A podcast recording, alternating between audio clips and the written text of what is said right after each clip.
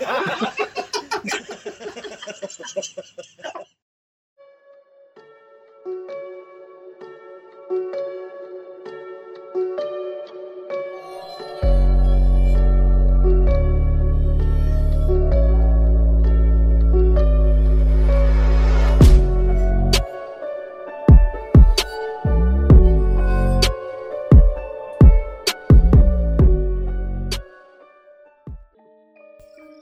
Assalamualaikum warahmatullahi wabarakatuh.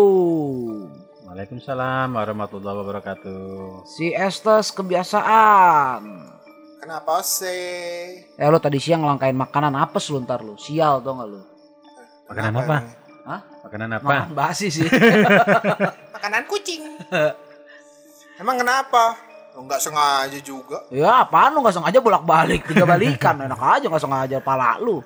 Yang bener Ya aja lu. salah sendiri naruh ditaruh di bawah jalan orang jalan. Ah Masa tetep aja nggak bawa pamali tahu nggak lu? Ya udah ntar bilang Bu Mali dong. Nggak ada gede songong banget sok. Kan ngelangkain makanan nih. Eh gua ngelangkain makanan. Eh maaf balik lagi. Iya baik lagi dua kali dong ngelangkain bang. Pamali coy. Ya, pamali iya, kan pam- pasti ada penyebabnya kenapa. Iya kenapa? Ya nggak tahu gua. Kalau gua bilangnya cuma pamali doang. Pam pamali itu artinya tak boleh ya? Apa sih? Pamali itu Mali nggak boleh, dilarang. Istrinya Bu Mali. Ya, Suaminya Eh dong. suaminya toh. ada larangan berarti ada mitosnya. Betul. Ya. Ya kebiasaannya ya. Pernah denger sih jangan ngelangkain makanan gitu. Iya nggak boleh pamali. Ya nggak boleh kan? Ya, iya kenapa nggak boleh? Ya lu yang tahu. Lo Lalu kan yang lompat-lompatin terus makanan. lo kar- kalau aku tahu ya ngapain tak langkain? Eh, cepret panci Cuman nih. setauku sih kalau ada pantangan, ada mitos kayak gitu itu ada alasannya. Lah Alasannya tuh iya apa justru alasannya itu bisa berupa kebijaksanaan, kesopanan, etika. Nah, Biasanya. iya. Kalau yang ini Cuman kalau nggak mempan dikasih taunya, ya udah takut-takutin. Misalnya nih, misalnya nih, jangan melompatin makanan. Kenapa? Nanti burut katanya. urut itu apa? Itu loh, tedun, hernia, apa sih? Turun berok.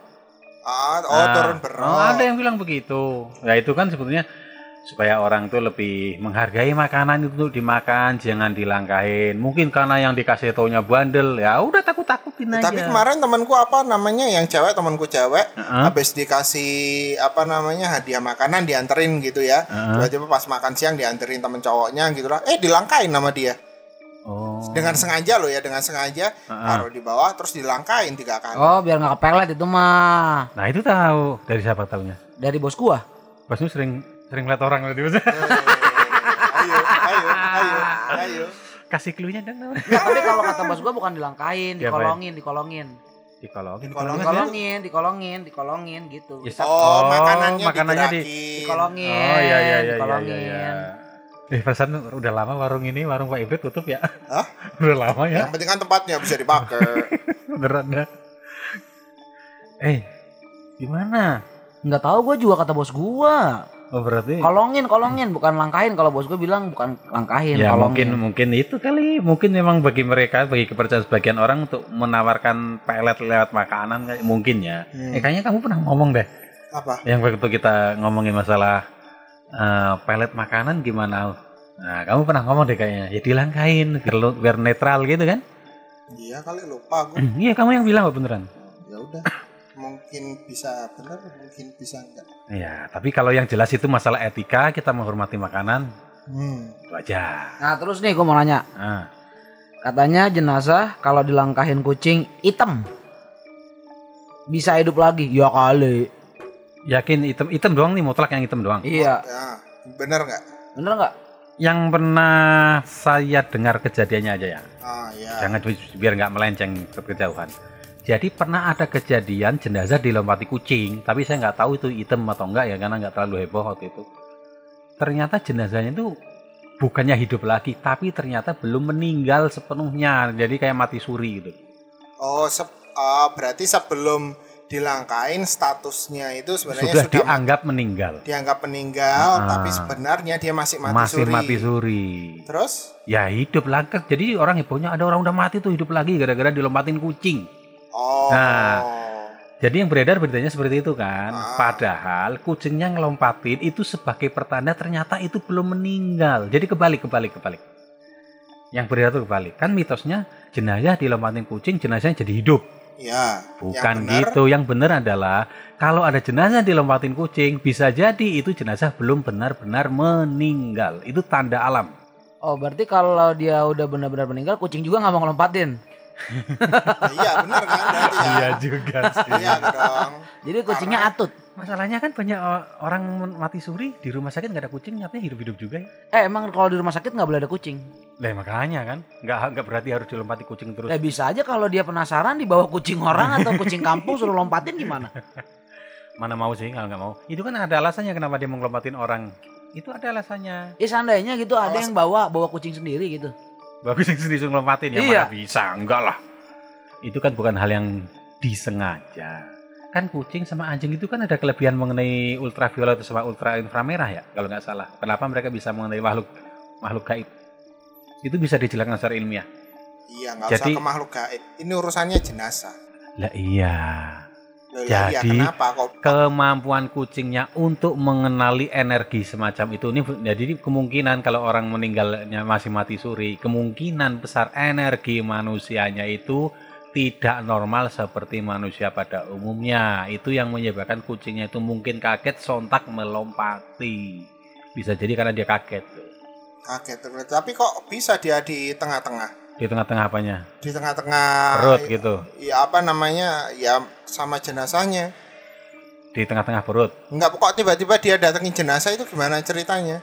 Ya ampun, kan di kampung-kampung banyak kucing liar. Kalau nggak ada gimana? Ya kan itu yang diomongin kan kucing yang lompati kan. Kucing yang lompati jenazah kan. Iya. Iya. Ya kalau nggak dilompati berarti di situ nggak ada kucing. Maka tadi gue tanya kalau gue bawa kucing sendiri gimana? Nggak gua. bisa. Masa dipaksa nggak bisa? Dipaksain lompatin dong buat tanda doang gitu. Nggak bakalan mau kucingnya. Ya kalau gue sorongin begitu akhirnya dia lompat gimana? itu maksain itu namanya. Nggak bisa. Itu pasti kucingnya kaget. Kenapa lompat itu karena kaget. Oke dah. Tunggu. Ya udah Oke dah. iyain aja. Iya, iya biar cepet Iyain deh. aja biar cepet. Ya aja. cepat. Nih ada lagi. Justru biar lama kok. Nggak mau saya maunya cepet gimana? Ya. Kenapa orang kagak boleh nyapu malam hari? Nyapu apa? Nyapu rumah lah. Oh. Apa tes? Anda yang ditanya kok Anda Ah. nanya balik ke saya gimana sih? Nggak boleh nyapu malam hari sama nggak boleh nyapu ke pintu utama. Oh begitu. Ayo, kenapa ayo? Kalau nyapu malam-malam, dulu kan belum ada listrik. Penerangan cuman pakai apa? Lentera itu tahu kan? Ya kalau nyapu Semprong, semprong. Ah, apa itulah? Sendir apa ya? Ya, whatever itulah. Nah, itu kan kalau kalau eh, nyapunya malam-malam, apa ketahuan itu sudah bersih apa belum? Makanya ya jangan ya malam-malam gitu. Itu bukan bukan terus eh, akhirnya jadi mitos. Jadi itu sebetulnya petuah atau nasihat. Jangan menyapu malam-malam supaya ketahuan. Kalau siang itu kan bersih semua. Kalau malam kan nggak ketahuan. Ya, tapi kalau kata nenek gue beda. Kenapa? Gue pernah nanya sama nenek gue nih. Ah, Nek, kenapa nggak boleh nyapu malam-malam? Eh jangan nggak boleh nyapu malam-malam. kenapa? Pamali, iya pamalinya kenapa? Karena kalau nanti ada emas emakmu yang hilang, Ah, sapu orang yang ngambil. Ya, emang Pamali gitu. itu. Tapi masuk ak masuk akal itu karena bukan nen- pamali namanya. iya karena nenek gua kan orang zaman dulu lah, Iya, gitu. Orang kaya banyak Ah, mas Iya, bercecer. iya. Orang zaman dulu kayaknya. Iya. Tas Orang zaman dulu kan Iya, gitu. sampai kececeran. Terus kalau kenapa nggak boleh nyapu ke arah pintu utama? Ya, Kalau ada tamu datang sopan nggak? Itu masalah etika. Jadi kalau ada tamu kok kita nyapunya ke depan kayak husus husus kayak orang ngusir kasih kotoran itu. Lah ngapain juga dia bertemu malam-malam? Ayo. Loh, kan eh, dilarang menyapu pada malam hari Ah, ah. dan dilarang nyapu ke arah pintu utama. Ah, ah. Lah iya, enggak pintu utama tuh nggak harus malam hari terus. pintu masuk Pintu utama itu nggak harus malam hari. siang, Emang nggak boleh. siang malam juga nggak boleh aja kan? katanya. Jadi kalau Oh. nih Nah. kayak seandainya nih kayak apartemen kita ini. Waduh, kayak apartemen ini kan pintunya cuma satu kan, lu nggak mungkin rasanya nih. lu nggak mungkin nyapu buang ke jendela. Ya, Berarti lu di- dimarahin kamar yang bawah dong. Betul. Iya kan? Otomatis kan nyapu pintunya ke depan doang dong. Iya. Nah, itu kalau nyokap gua ngajarin, nyokap gua Ah. bilang, kalau nyapu ke pintu utama bilang, amit-amit ini bukan buang rejeki, ini buang sampah. Gua diajarin ngomong begitu. Iya, petuahnya gitu dulu. Eh, biar pada mudeng kalau ke depan itu kesannya kayak menolak rezeki yang datang itu loh. Itu versi nasihatnya. Nah, versi etikanya ya kalau ada tamu dateng ya si tuan rumah lagi nyapu ke depan kan kesannya ngusir pakai sampah hus hus hus, gitu Ya terus ada lagi nih. apa Kenapa kalau kita khususnya nih para cowok ya gitu ya. Kalau kencing Hah? mesti izin. izin apa RT Ya enggak izin sama yang di pohon, apa penunggu pohon, apa penunggu tong sampah, apa apa. Misi ya coy, mbah atau apa, gua numpang pipis, numpang kencing gitu. Sebenarnya sih biar nggak langsung diseruput. enggak biar nggak langsung diseruput. takutnya kuntinya nongol langsung eh mas mas nanti dulu dong ya Aku buka daster dulu bang. Udah gitu doang. hmm, ginilah itu memang banyak dulu kejadian katanya kalau kencing sembarangan terutama di bawah pohon besar gitu ya ngencingin penghuni yang ada di situ kebetulan juga pintunya tuh mungkin pintu masuk ke rumahnya dari jin di situ gitu-gitu ya. Itu konon katanya orang-orang dulu bercerita seperti itu makanya di mitos kalau kencing jangan sembarangan kalau kencing di suatu tempat ya permisi-permisi sama daerah yang di situ. Karena mereka meyakini di setiap daerah di, di sekanan kiri kita seliling kita itu kan ada makhluk yang tak kasat mata. Bisa jadi memang itu cuman pohon tapi di bangsa mereka di alam mereka tuh bisa jadi tuh pintu rumah mereka atau gimana ya mungkin resikonya nanti nanti towel bijinya Di towel. di towel Nah kalau diemut. nah itu rezeki